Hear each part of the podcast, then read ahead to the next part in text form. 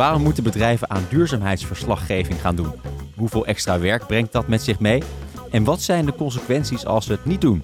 Mijn naam is Koos Tervoren en dit is Stibbe Legal Insights. Deze aflevering gaat over duurzaamheidsverslaggeving.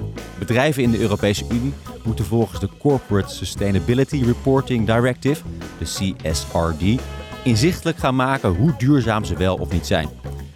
Wat je dan precies moet gaan rapporteren en welke juridische haken en ogen er zijn, hoor je van Loes van Dijk en Steven Heijink, beide advocaat bij Stibbe. Welkom allebei. Dank je. Thanks. Loes, even een inleiding voordat we aan dit uh, gesprek beginnen. Uh, bedrijven die moeten gaan rapporteren over duurzaamheid. Ja, waar komt dit idee vandaan? Ja, het is eigenlijk terug te voeren op de, op de Europese Green Deal. En het is ook niet helemaal nieuw, want op dit moment moeten bepaalde bedrijven ook al rapporteren over niet-financiële informatie. En nou, dat niet-financiële informatie wordt eigenlijk omgedoopt tot duurzaamheidsinformatie. Um, en ja, het, probleem, het huidige probleem is eigenlijk dat uh, al die bedrijven die al moeten rapporteren over wat nu dus niet financiële informatie is, dat allemaal mogen doen aan de hand van um, ja, private standaarden. Waardoor ze kunnen cherrypicken. Ze kunnen bepalen welke onderwerpen zij belangrijk vinden om over te rapporteren. En uh, ja, dat maakt het ook meteen lastiger vergelijkbaar. En daarom bestond er een wens om ja, een geharmoniseerde set duurzaamheidsstandaarden uh, ja, voor verslaggeving te creëren. En daar is de Europese Unie opgesprongen. Ja, dus er zijn al wel bedrijven die dat doen, maar het is een beetje om goede sier te maken. En ze doen een aantal goede duurzame dingen en daar wordt dan verslag van gegeven. Ja, ja. Gelegd, ja. Of gelegd, ja. en uh, ja, dat is dus ook al wel wettelijk verankerd. Maar die wettelijke verplichting wordt dus nu uitgebreid. Uh, en daar gaan we het uh, zo meteen nog helemaal Ja. Dus CSRD, dat is de afkorting natuurlijk van waar we het over hebben. Ehm, wat houdt er precies in? Nou, ik denk dat je de kern zou kunnen samenvatten als dat je in je bestuursverslag, dat is dus het jaarlijkse geschreven stuk van je verslaggeving, dat je daarin over tal van duurzaamheidsaspecten van je onderneming, dat je daarover moet gaan rapporteren. Voorheen noemden we dat niet financiële informatie. Dus nu heeft het het label duurzaamheid gekregen. En bij duurzaamheid moet je dan denken aan nou, de groene onderwerpen, environment, de, de E van ESG, de S, sociale onderwerpen uh, en ook de G van governance. Komen we zo verder op. Ja. Um, en die CSRD die gaat uh, verplichten om uh, voor, een, voor een grote groep ondernemingen om in je bestuursverslag erover te rapporteren. En om je een voorbeeld te geven, we hebben nu op grond van huidige wetgeving hebben we zo'n in Europa zo'n 11.500 ondernemingen die over niet-financiële informatie moeten rapporteren. En dat worden er ruim 45.000 zodra de CSRD uh, gaat, uh, in werking gaat treden. Ja, ongeveer keer vier. Dat is nogal wat. Heel veel bedrijven moeten aan de slag. Waar moet je dan verslag van gaan leggen? Nou ja, ook dat wordt dus uitgebreid. Dus je ziet niet alleen een, een uh, uitbreiding op het toepassingsbereik van het aantal ondernemingen dat moet rapporteren, maar ook een uitbreiding van de onderwerpen waarover moet worden gerapporteerd. En ja, Stephanie refereerde er net al aan. Het is eigenlijk ingedeeld uh, aan de hand van de term ESG. Dus je hebt environment onderwerpen waarbij je kan denken aan um, ja, de hoeveelheid CO2-uitstoot, waterverbruik, maar ook het gebruik van non-renewable resources. Um, ja, wat best wel ver gaat. Um, en ook moeilijk te berekenen is, kan je soms voorstellen. En bij de S van social kan je denken aan onderwerpen als uh, gelijke beloning, diversiteit, work-life balance indicators. Um, mensenrechten ook. En uh, nou ja, tot slot de G van governance ziet uh, op thema's als de werking van interne beheersing rondom duurzaamheidsinformaties. En ja, in dat kader wordt ook van ondernemingen verwacht dat de bestuurders en commissarissen zelf ja, tot op zekere hoogte kennis hebben over duurzaamheidsinformatie en anders in ieder geval toegang hebben tot mensen met expertise hierover. En ook dat moeten ze weer opschrijven. Ja, ja. En, en duurzaamheid, we hebben het dus niet alleen maar over uh, groene dingen, uh, maar het gaat ook over mensenrechten, arbeidsomstandigheden, et cetera. Ja, eigenlijk kan je duurzaamheid zien als synoniem voor ESG, Environment, Social and Governance. Ja. Uh, nou, dit geldt dus voor die bedrijven zelf. Um, die moeten daar inzicht in gaan geven. die moeten daar ook mee aan de slag. Uh, maar geldt het ook voor alles wat er in de keten zit? Want ja, zo'n bedrijf uh, neemt misschien ook bepaalde diensten af. Uh, er is een heel pro productieproces.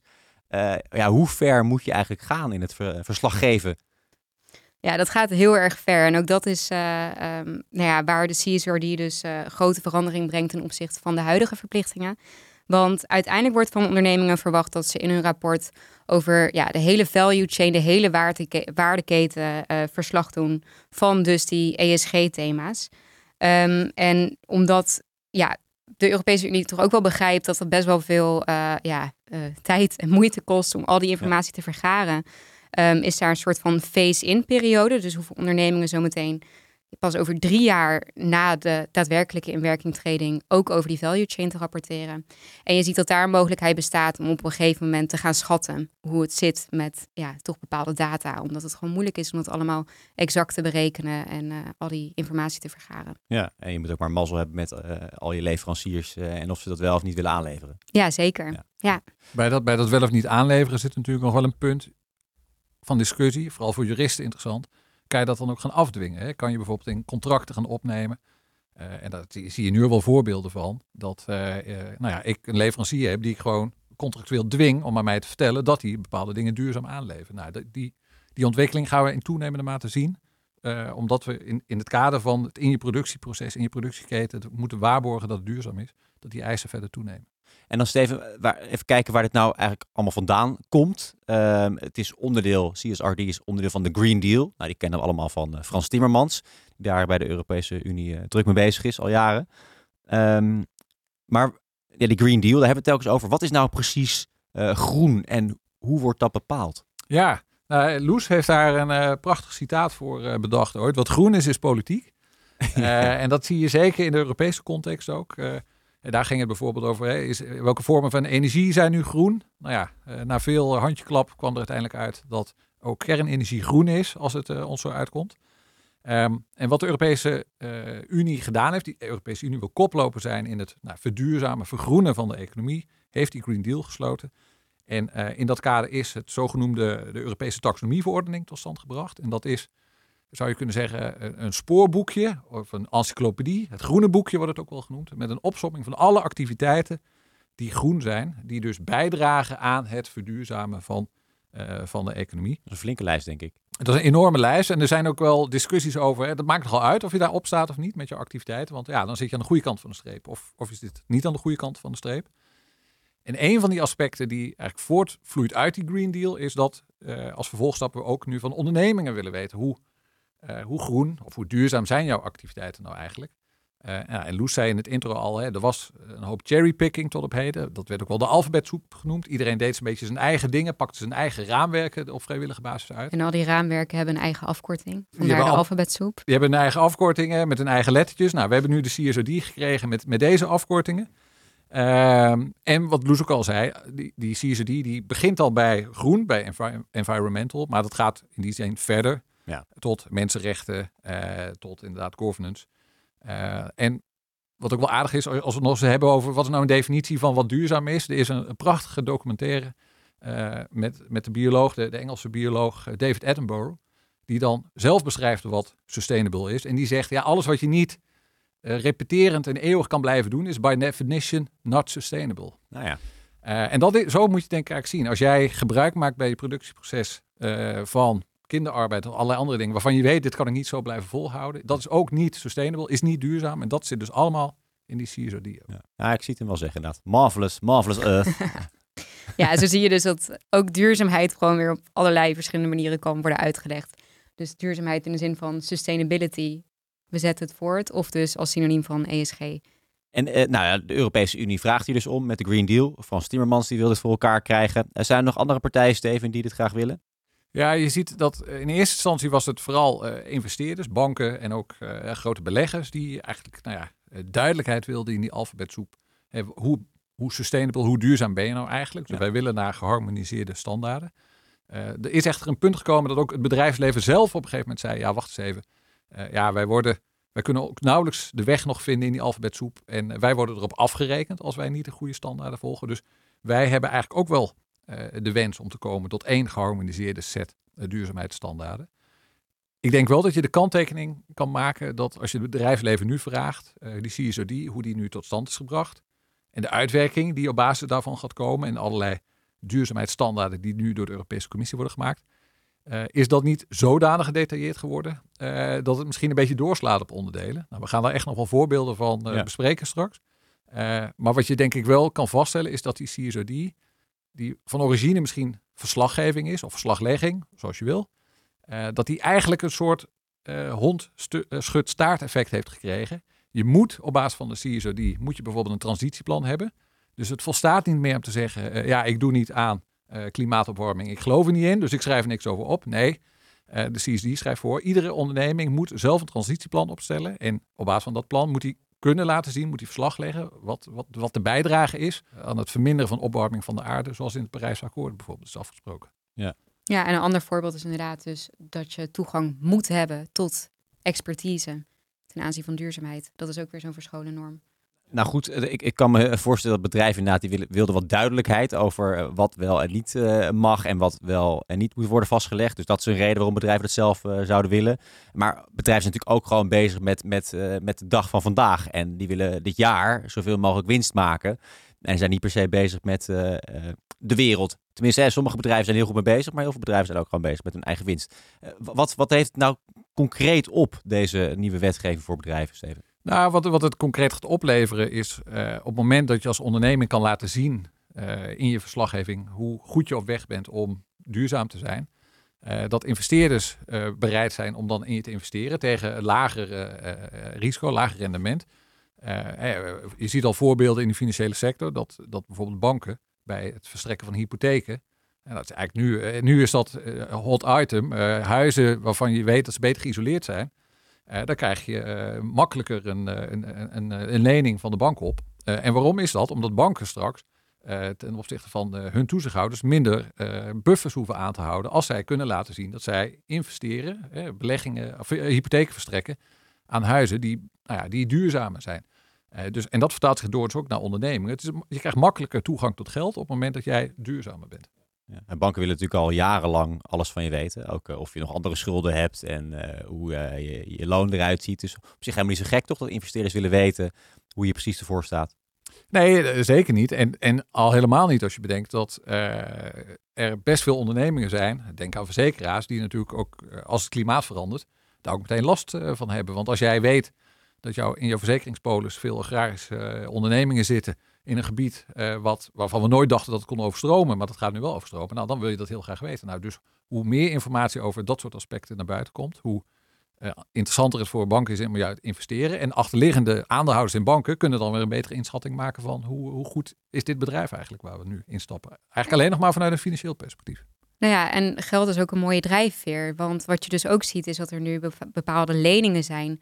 waarbij uh, ja, uh, de, de bedrijf dat het geld leent een bepaalde korting krijgt. wanneer ze duurzaamheidsdoelstellingen halen. Um, en nou ja, zoals ik al zei, dat is een drijfveer. Dus het is ja. ook een manier om verduurzaming te stimuleren. Ja. Uh, nou, dit gaat allemaal gebeuren. wanneer, Loes? Ja, bijzonder snel. Dit hele wetgevingstraject is ja, alleen al vanwege de snelheid atypisch te noemen. Um, de eerste categorie bedrijven die moet gaan rapporteren zijn de, ja, de ondernemingen die, uh, zoals ik al zei, nu al verplicht over niet-financiële informatie uh, moeten rapporteren. En zij zullen voor het eerst over boekjaar 2024 in kalenderjaar 2025 voor het eerst een, uh, een, ja, een duurzaamheidsverslag of een onderdeel in het bestuursverslag moeten wijden aan duurzaamheid. Aan de hand van, uh, ja, van deze nieuwe wet en regelgeving. Um, en ja, daarna zie je dat, het, uh, uh, dat de CISR die gefaseerd in werking treedt. Dus um, voor de volgende categorie ondernemingen gaat die een jaar later in werking. Dus in kalenderjaar 2026 moet dan over boekjaar 2025 worden gerapporteerd. Ja. Dat is denk ik um, dat, ja, dat jaar wordt uh, uh, de grootste uitdaging, want dan wordt de grootste categorie ondernemingen voor het eerst geconfronteerd hiermee. Dat zijn ja, de grote ondernemingen, die moeten aan bepaalde criteria voldoen. Um, ja, en weer een jaar later, dat is denk ik de minst belangrijke categorie voor de praktijk, het minst relevant in ieder geval. Uh, die moeten dus in kalenderjaar 2027 over boekjaar 2026. Ja. Ja. En ja, dus vanaf dat jaar hebben we, ja, is dat volledige toepassingsbereik maar de eerste, eerste tranche, die heeft nog één jaar om te oefenen eigenlijk. Ja, dus eigenlijk over 2023 wel. kunnen ze nog een keertje oefenen. Nou ja, oefenen. Ze moeten gewoon nu aan de slag met het voorbereiden op wat ze dus zometeen moeten gaan rapporteren. Want ja, we gaan het zo meteen hebben over wat ze allemaal moeten rapporteren. Dat is zoveel. Daar gaan we het nu over hebben. Daar gaan we het nu over wat hebben. moeten ze rapporteren? Wat moeten ze rapporteren? Um, nou ja, we hadden het erover, hè? Die, die, die drie subonderwerpen, ESG. Um, nou, de kern van, van de CSRD is eigenlijk dat de Europese Commissie de bevoegdheid krijgt om European Sustainability Reporting Standards op te stellen. Dus Europese duurzaamheidsstandaarden. Weer een afkorting daarvoor is ESRS. Ehm, en in die ESRS zitten uh, ja, verslaggevingsverplichtingen, disclosure requirements. En um, in de eerste conceptversie waren dat er 137. Zo. Toen is er ja, ontzettend ja, veel. Ja, dat ja. zijn er nogal wat. Toen is er ontzettend veel kritiek gekomen. En nu zijn het er nog maar tussen aanhalingstekens 82. Oh. dat valt hartstikke mee, toch? Ja. ja, waarbij je meteen moet bedenken dat dit, en dit is ook weer politiek, uh, de opdracht was, uh, dit zijn er wel heel veel, we moeten dat uh, ongeveer halveren. Dus wat is in die finale versie nou gebeurd? Ja, waar je vroeger twee verplichtingen zag, zie je nu verplichting 1A en 1B. Ja, ja, ja. ja, ja. dus onderaan de streep is het nog steeds heel veel. Weet je, als ik altijd zeg maar twee vragen in één stel. Exact. Ja, ja, ja. Of wij een antwoord, wat eigenlijk in één keer kan geven, in twee antwoorden geven. Op die manier uh, zie je dat ook in die, in die ESRS'en terugkomen. Ja, uh, dus onderaan de streep um, is er denk ik niet heel erg veel uh, veranderd. Wat betreft de hoeveelheid informatie die zo meteen moet worden opgenomen. Um, dat zie je ook, ja, eerst waren het 2100 data points die dan moesten worden berekend. Ja, nu zijn dat er nog maar 1200, maar dat is natuurlijk nog steeds bizar veel. Ja, om een beetje eh, ter geruststelling misschien. Uh, wat wel ingebakken zit in die standaarden is dat je wel moet kijken wat, wat uit die standaarden, welke disclosure requirements zijn nou materieel voor je. Dus welke hebben daadwerkelijk uh, betekenis voor je. Uh, alleen dat begrip materieel, dat is op zichzelf, is daar al de nodige discussie, gaat er over ontstaan. moet je even uitleggen. Ja, als je, als je denk ik een accountant op straat aanspreekt en je vraagt hem wat is materieel, dan zal hij zeggen ja, materieel is alles wat een investeerder van belang vindt om te investeren in de ondernemingen. Dat is in de eh, accountants en bedrijfseconomen hebben zo'n omlijnd begrip van wat materieel is. En die uh, passen dat al jaren toe. En dat is ook de belangrijkste, ja, zou je kunnen zeggen, trechter waarmee je financiële verslaggeving maakt. Want doe je het andersom, schrijf je alles op wat je doet, dan zie je op een gegeven moment door de boom het bos niet meer. Uh, en dan kan je ook zelfs dingen verstoppen in het bos. Dus materialiteit is in nou, verslaggevingsland, voor, voor accountants is dat, uh, en in bedrijfseconomen is dat een vast omlijnd begrip. Bij duurzaamheidsverslaggeving is het perspectief echter iets anders. We hebben het niet alleen over wat is nou voor jou als investeerder van belang, hè, waar zitten de financiële gevolgen. Uh, maar duurzaamheidsverslaggeving heeft een, heeft een breder publiek. Heeft niet alleen investeerders, maar ook de maatschappij als geheel. Hè, andere stakeholders. Uh, ja, in Europa. In Europa, in Europa. Dat is een belangrijke nuancering. Uh, om een voorbeeld te geven, je hebt, je hebt bedrijven die een vergunning hebben waarbij ze mogen lozen op, op, op afvalwater. Zolang je binnen die vergunning blijft, ja, krijg je geen boetes. Draagt dat lozen waarschijnlijk bij aan de winstgevendheid. Uh, en zal dus vanuit een financieel materialiteitsperspectief zo'n lozing totaal niet relevant zijn. Dus niet irrelevant voor de investeerder. Niet voor, voor de investeerder niet, uh, niet relevant. maar als je omwonende bent, dan kan het wel degelijk wel materieel zijn. Want hey, de, het milieu in zijn totaliteit kan daardoor flink verminderen. En dat, dat idee van twee vormen van materialiteit, dat zit heel stevig in die CSRD. Uh, en ja, er zit dus een soort filter in die CSRD, dat alleen datgene dat materieel is gerapporteerd moet worden. Maar hoe met name dat tweede aspect van materialiteit, niet het financiële, maar het andere aspect van materialiteit, hoe je dat moet invullen, dat gaat nog een flinke puzzel worden. Ja, want je ziet dus dat, uh, dus dat dat concept van dubbele materialiteit hebt en dat er onderscheid wordt gemaakt tussen financiële en impact materialiteit. Um, maar als je kijkt naar hoe die begrippen zijn gedefinieerd in, um, ja, in de ESRS en de CSRD, dan um, ja, kunnen daar dus echt een nodige discussies over bestaan. Wat enerzijds ervoor kan zorgen dat er heel veel onder geschaard moet worden, waardoor je dus ook heel veel moet rapporteren. Maar tegelijkertijd zit er natuurlijk het risico in dat bedrijven heel snel zeggen: dit is niet materieel. Ja, daar heeft de Europese Commissie overigens al wel van gezegd. Op één onderdeel, klimaatverandering, dat gaat voor iedere onderneming gaat dat geacht worden materieel te zijn. Dus ook al vind jij zelf dat klimaatverandering jou helemaal niet raakt, toch zul je iets over klimaatverandering moeten rapporteren in jouw, uh, in jouw duurzaamheidsverslag. Ja, en er zit ook dat transitieplan in, wat je eerder noemde. Ja. Uiteindelijk zijn het 82 verplichtingen waar je aan moet voldoen. Um, nou ja, dat, dat is nogal wat. Het, het zijn er in ieder geval minder geworden. Alhoewel je ook je vraagtekens bij kunt zetten of dat daadwerkelijk het geval is. Maar um, ja, je moet het als bedrijf maar voor elkaar gaan krijgen. Hoeveel extra werk kost dit, Loes? Ja, dat gaat echt wel extra werk kosten. Als we zien het aantal verplichtingen, um, het aantal data points um, dat ik net noemde. Je moet gewoon ontzettend veel informatie gaan vergaren. En die informatie moet je bij ja, verschillende afdelingen binnen je onderneming uh, um, halen. Uh, dus je ziet dat waar voorheen bijvoorbeeld alleen uh, ja, HR of finance zich bezig hielden met beloning, dat ze nu um, moeten gaan afstemmen ook met legal. Ehm, en dat ze moeten gaan onderzoeken hoe ze de, de gender pay gap, de, ja, de gelijke beloning tussen werknemers gaan berekenen. Um, ja, al die data moet ergens vandaan worden gehaald. En dan heb ik het nog niet eens over alle data over de value chain. En dan is inderdaad de vraag hoe ondernemingen dat, uh, ja, dat gaan doen. Um, we hebben begrepen dat uh, bijvoorbeeld Ahold, zo zei uh, ja, een, een, directeur van Ahold zelf, 40 extra medewerkers heeft aangenomen. Alleen al om dus ja, te kunnen voorbereiden op, op al deze nieuwe verplichtingen. Um, en nou ja, Steven haalde net een uh, citaat van mij aan. Ik zal nu een citaat van hem aanhalen. Uh, dat de tijd dat één iemand met een Excel-bestand uh, met een overzicht van CO2-emissies in zijn of haar eentje de duurzaamheidsafdeling kon vormen, ja, die tijd is wel voorbij. Die tijd is wel voorbij, ja. Ja, ja. ja het, het, hobbymatige is er een beetje vanaf. een vriend van mij werkte ooit, of liep stage bij de, de, de marketingafdeling van een groot internationaal concern. Um, maar hij dacht altijd dat hij voor de duurzaamheidsafdeling werkte. Dus dat, uh, dat is een beetje hoe het in elkaar uh, steekt volgens mij bij heel veel bedrijven. Maar nu wordt het serieus, want het krijgt een uh, financieel en juridisch context. Um, ja, wat voor gevolgen heeft dat dan voor bedrijven, Steven? Ja, en het is wel grappig dat voorbeeld dat je aanhaalt. Want die, midden in dat proces zien wij nu en horen wij, en dat zijn dan vaak, hè, onze natuurlijke aanspreekpunten zijn vaak de, de general counsels, de juristen. Maar daar merk je dus dat binnen ondernemingen nu nagedacht moet worden over hoe gaan we dit nu bij elkaar brengen, al die informatie. Want de meeste ondernemingen hebben een vrij solide, wat ze dan noemen, financiële kolom, waarin al jaar en dag, uh, ze weten op gezette tijden, dan moet die informatie naar buiten, dan moet er een accountant naar kijken. Nou, dat, dat zijn allemaal geoliede processen. Nou, er zijn ook heel veel ondernemingen die al nou, ofwel een marketing ofwel een duurzaamheidsafdeling hadden, die met name zich bezighielden met die duurzaamheidsinformatie. En er komt nu bij dat uiteindelijk aan het einde van de dag het in het bestuursverslag moet. En als het daar niet klopt, dan gaat iedereen naar de jurist kijken en dan gaan ze zeggen, hey, hoe kan het dat deze informatie er niet op het goede moment stond, op de goede plek stond?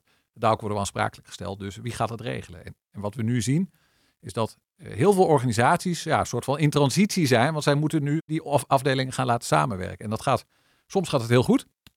En soms leidt dat tot, uh, ik noem de laatste uitdagingen. Maar iemand zei, nee, noem het maar gewoon fricties. Want hm. ja, het zijn toch een soort andere talen die die mensen spreken. Je ziet ook heel veel projectgroepen die nu worden uh, op, opgesteld en ingeregeld met mensen die daarvoor speciaal de verantwoordelijkheid krijgen. En uh, ja, dat is, dat is voor ondernemingen denk ik de eerste stap. Of misschien is de eerste stap is de data vergaren, maar dan is toch wel stap 2 of stap 1b zou je kunnen zeggen. Hoe ga ik dit organisatorisch inbedden? Dat wij en al die data krijgen en dat het dan ook in een geolied proces komt. Dat het op het goede moment, op het goede manier in het bestuursverslag terecht gaat komen. En dat is uh, waarom denk ik uh, ondernemingen soms wel tot 40 mensen extra aannemen om dat allemaal in te regelen. Ja, je hebt het net over marketing en duurzaamheid, maar daar zit natuurlijk ook iets waar, uh, nou ja, als jurist, wat je een risico kan noemen.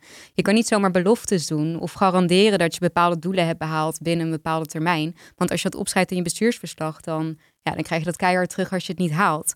Um, en je ziet dus ook dat daarom alleen al legal moet worden ingeschakeld, dat er een streven wordt opgenomen en niet een, een belofte. Ja. Om te voorkomen dus dat dat soort risico's Er gaat een hoop met de taal worden gespeeld. Zeker. Dat is wel duidelijk. Uh, nou goed, uh, eh, 40 mensen moeten er extra worden aangenomen bij Ahold. Uh, veel bedrijven moeten misschien ook uh, hogere eisen stellen aan, aan leveranciers die misschien ook duurder zijn. En wat betekent het voor de concurrentiepositie van bedrijven in Europa ten opzichte van bedrijven die zich in India of China hebben gevestigd? Ja, India en China durf ik niet met zekerheid te zeggen. Maar je ziet dat op mondiaal niveau ja, er heel veel gebeurt op het gebied van duurzaamheidsverslaggeving. Dus het is niet alleen de Europese Unie die hierop is gesprongen, maar je hebt ook ja, de IASB schrijft of stelt de IFRS op. Um, maar nou ja, die standaardsetter heeft dus nu een zusje gekregen, de uh, International Sustainability Standards Board, de ISSB. En ja, die zijn dus voor um, ja, op mondiaal niveau duurzaamheidsstandaarden aan het uh, formuleren. En je ziet dat daar vooral de focus op klimaat ligt, omdat ja, wat um, als je op een social thema zit, dus op mensenrechten, dan wordt daar in China of in India heel anders tegenaan gekeken dan uh, ja, in, in het Westen.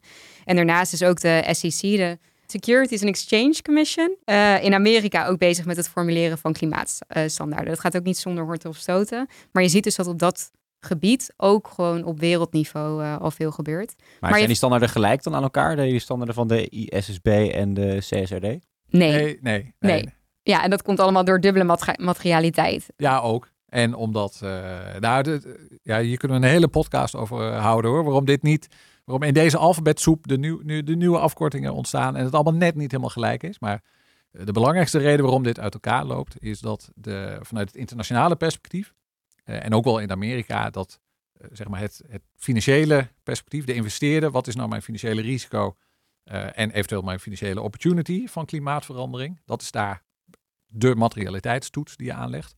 Terwijl wij in Europa echt van de andere kant komen en ook zeggen: nee, de bredere wereld, buitenwereld, de stakeholders, die, die materialiteitstoets moet je ook toepassen. Nou, en daar loopt het om te beginnen uiteen. Neem daarbij een portie uh, Europese eigenwijsheid om bestaande vrijwillige standaarden, om daar net iets een andere invulling aan te geven. En je hebt, uh, je hebt uiteenlopende concepten. En ook dat ligt politiek gevoelig. Volgens mij heeft Verenigd Koninkrijk al toegezegd dat ze de uh, eh, ISSB-standaarden gaan uh, volgen. Ja, en, en dan hebben we het in Amerika nog niet eens gehad over als je daar nu duurzaamheidsverslaggeving, dat is zoveel politiek. We weten nu al zeker dat daarover uh, geprocedeerd gaat worden, omdat nou, ofwel je bent klimaat veranderaar, adaptist en, en je vindt dat die standaarden niet ver genoeg gaan, of je gelooft überhaupt niet in klimaatverandering. En daartussen zit ongeveer helemaal niks. Dus Europa zal, heeft hier een voortrekkersrol. Die zal ze ook moeten blijven nemen. En uh, als je dat verder trekt naar de, naar de internationale concurrentiepositie, uh, dan kan dat inderdaad wel betekenen dat Europese bedrijven dus sneller meer verslaggevingsstandaarden op zich krijgen dan, dan buitenlandse ondernemingen. Nee, dat betekent het. Dat kan het niet betekenen. Dat, dat is gewoon een feit, denk ik. Ja, behalve dat we in de CSRD ook wel in hebben gesmokkeld in de eindversie. Dat er, uh, dat er ook buitenlandse entiteiten die op de Europese markt zitten, die zijn er ook onder komen te vallen. Mhm. Dat is ook een soort uh, novum. Uh, en ik denk, maar deze vraag, ja, ook daar kan je een hele podcast over houden. Je ziet überhaupt nu de, de, de geopolitieke discussie over de staatssteun die er in Amerika is. In, in de Biden-plannen, waardoor met die hoge olieprijs eigenlijk Amerikaanse bedrijven op dit moment nou, grote winsten maken, terwijl we het Europa heel zwaar hebben. Uh, dus dan is eigenlijk die maar een druppel op de gloeiende plaat, denk ik eerlijk gezegd. Nou goed, laten we dan kijken naar eh, Europa, de Europese Unie. Wie gaat dat daar, uh, of hier moet ik eigenlijk zeggen, controleren?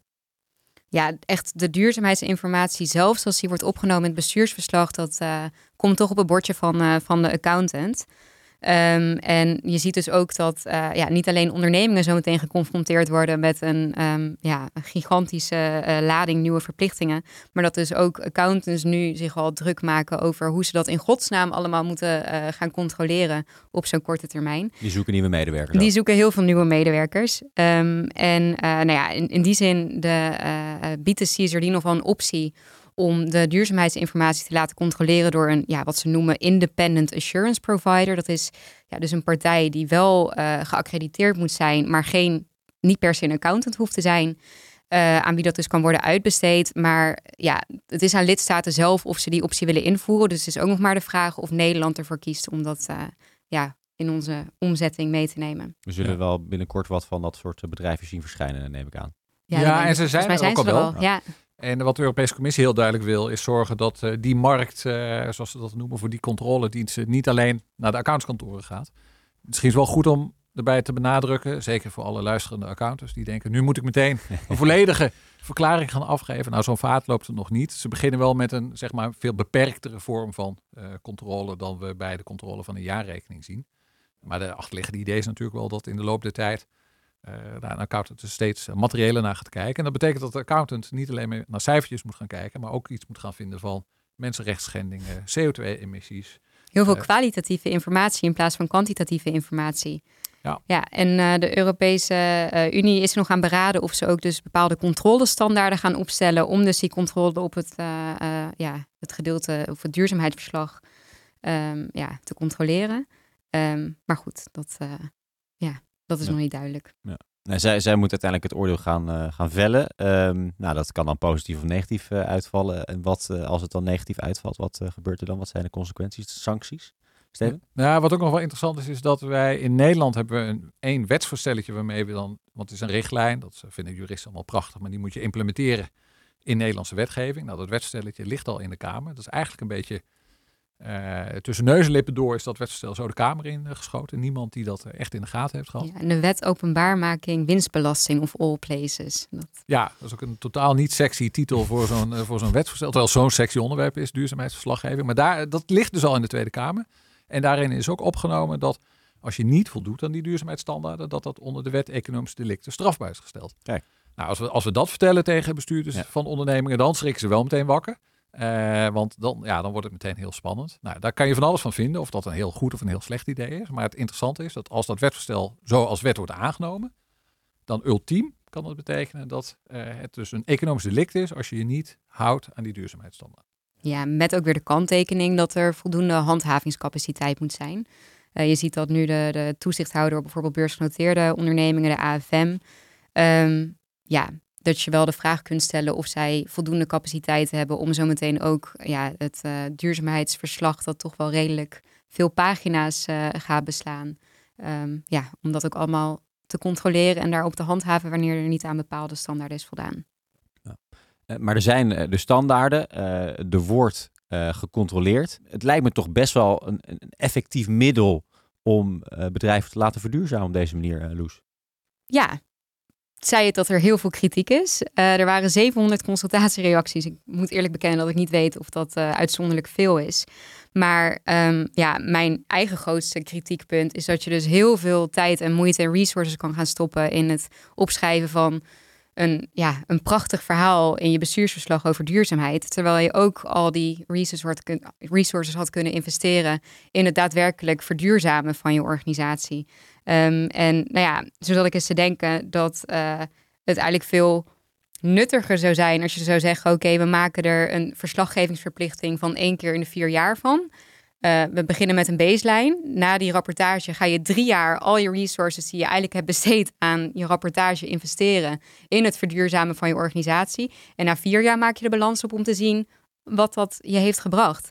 Maar goed, dat gaat natuurlijk nooit gebeuren. Nee, het is een prachtige eh, proefballon, maar die helaas volgens mij te laat is opgelaten. Want deze trein die rijdt nu zo hard eh, door. Ik had moeten reageren op de consultatie. Dat, Ja, eh, ja. ja. Oké, ehm, hoe gaat het zich verder ontwikkelen de komende jaren? Ja, ehm, concrete tijdlijn is dat eh, ehm, nou hyperactueel. Want maandag acht- 28 november 2022 is, eh, is ja, het richtlijnvoorstel aangenomen. Week daarvoor is, eh, eh, zijn, zijn die duurzaamheidsstandaarden aangeboden aan de Europese Commissie. En de Europese Commissie gaat nu in ehm, juni 2023 die duurzaamheidsstandaarden vaststellen. Ehm, en daarna moet dus in twee, ja, of over 2024, in 2025 al voor het eerst worden gerapporteerd. Dus al die ondernemingen die dan in 2025 daadwerkelijk een verslag moeten gaan publiceren, moeten zich nu al gaan beraden wat er allemaal in die standaarden zit. En tegelijkertijd heeft de Europese Commissie ook nog de ambitie om sectorspecifieke standaarden eh, vast te stellen. Ehm, en daar zijn ze nu ook mee druk bezig. Eh, het gaat dus allemaal vrij snel. Heel snel. Eh, hoe kan je in die korte tijd goed voorbereiden als bedrijf? ja, door deze standaarden heen gaan bladeren, bepalen wat materieel is. En als je Ja, dat natuurlijk. En, en vooral denk ik ook intern beginnen met eh, het, het, en het vergaren van die data. Dus, maar daarvoor moet je in die standaarden kijken. En ook wel de interne structuur op orde brengen. Mensen daarvoor verantwoordelijk maken dat je die data krijgt. Het, Ja. Kijk, op het moment dat je in 2024 eh is gaat beginnen met hoeveel CO2 stoot ik eigenlijk uit, ja, dan ben je te laat. Eh, want een accountant zal van jou willen weten als zij ernaar gaan kijken van, ja, heb je alleen een Excel-bestand? Nou, dan ga ik het allemaal zelf nakijken. Dus zij zullen echt een gesystematiseerd proces willen zien, waarin je kan vastleggen, kijk, we hebben door de jaren heen op basis van onze software kunnen laten zien, dit stoten we uit, dit stoten onze toeleveranciers uit. Nou, dan heb je nog, dat is nog een makkelijk stuk, CO2.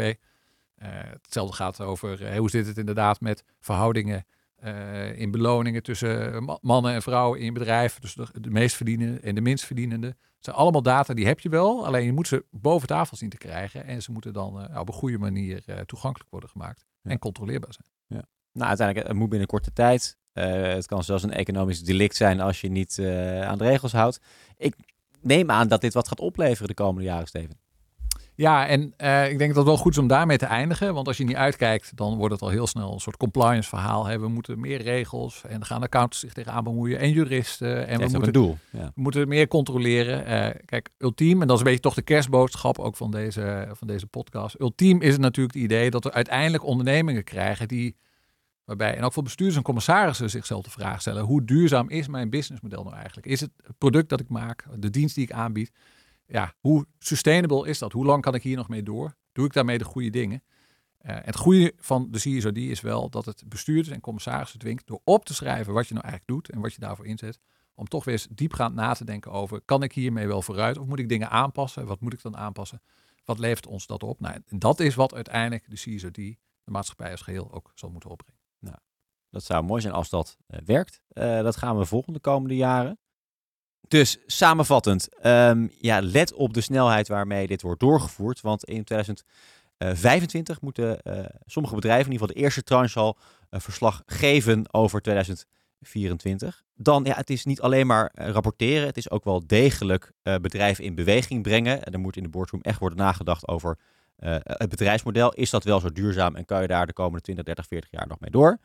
Uh, dan zei jij net, Steven, uh, ik wil graag eindigen met een kerstboodschap. Het is een beetje jammer dat ik nu samenvat, want je kan nu niet eindigen met de kerstboodschap. Misschien kan je die nog even herhalen. Dat ga ik proberen samen te vatten dan. ja, maar je zei, jij, uh, we kunnen eindigen met een kerstboodschap, maar toen ging ik met die samenvatting nog erover. Sorry, nee, de kerstboodschap is, we kunnen heel erg klagen over de CSRD en dat leidt tot meer compliance en meer juristen die betrokken worden en meer accountants. Maar uiteindelijk is het doel van die CSRD dat mensen in de boardroom, je zei het net zelf ook al, maar bestuurscommissaris, dat zij zichzelf de vraag gaan stellen, hoe duurzaam is mijn bedrijfsmodel nou eigenlijk echt. En als dat is wat de CSRD in beweging zet, dan is dat denk ik het goede van de CSRD. En dan moeten we wat dat betreft de CSRD omarmen. Dank Steven en Loes. Dit was Stibbe Legal Insights. Wil je nog meer weten over duurzaamheidsverslaggeving?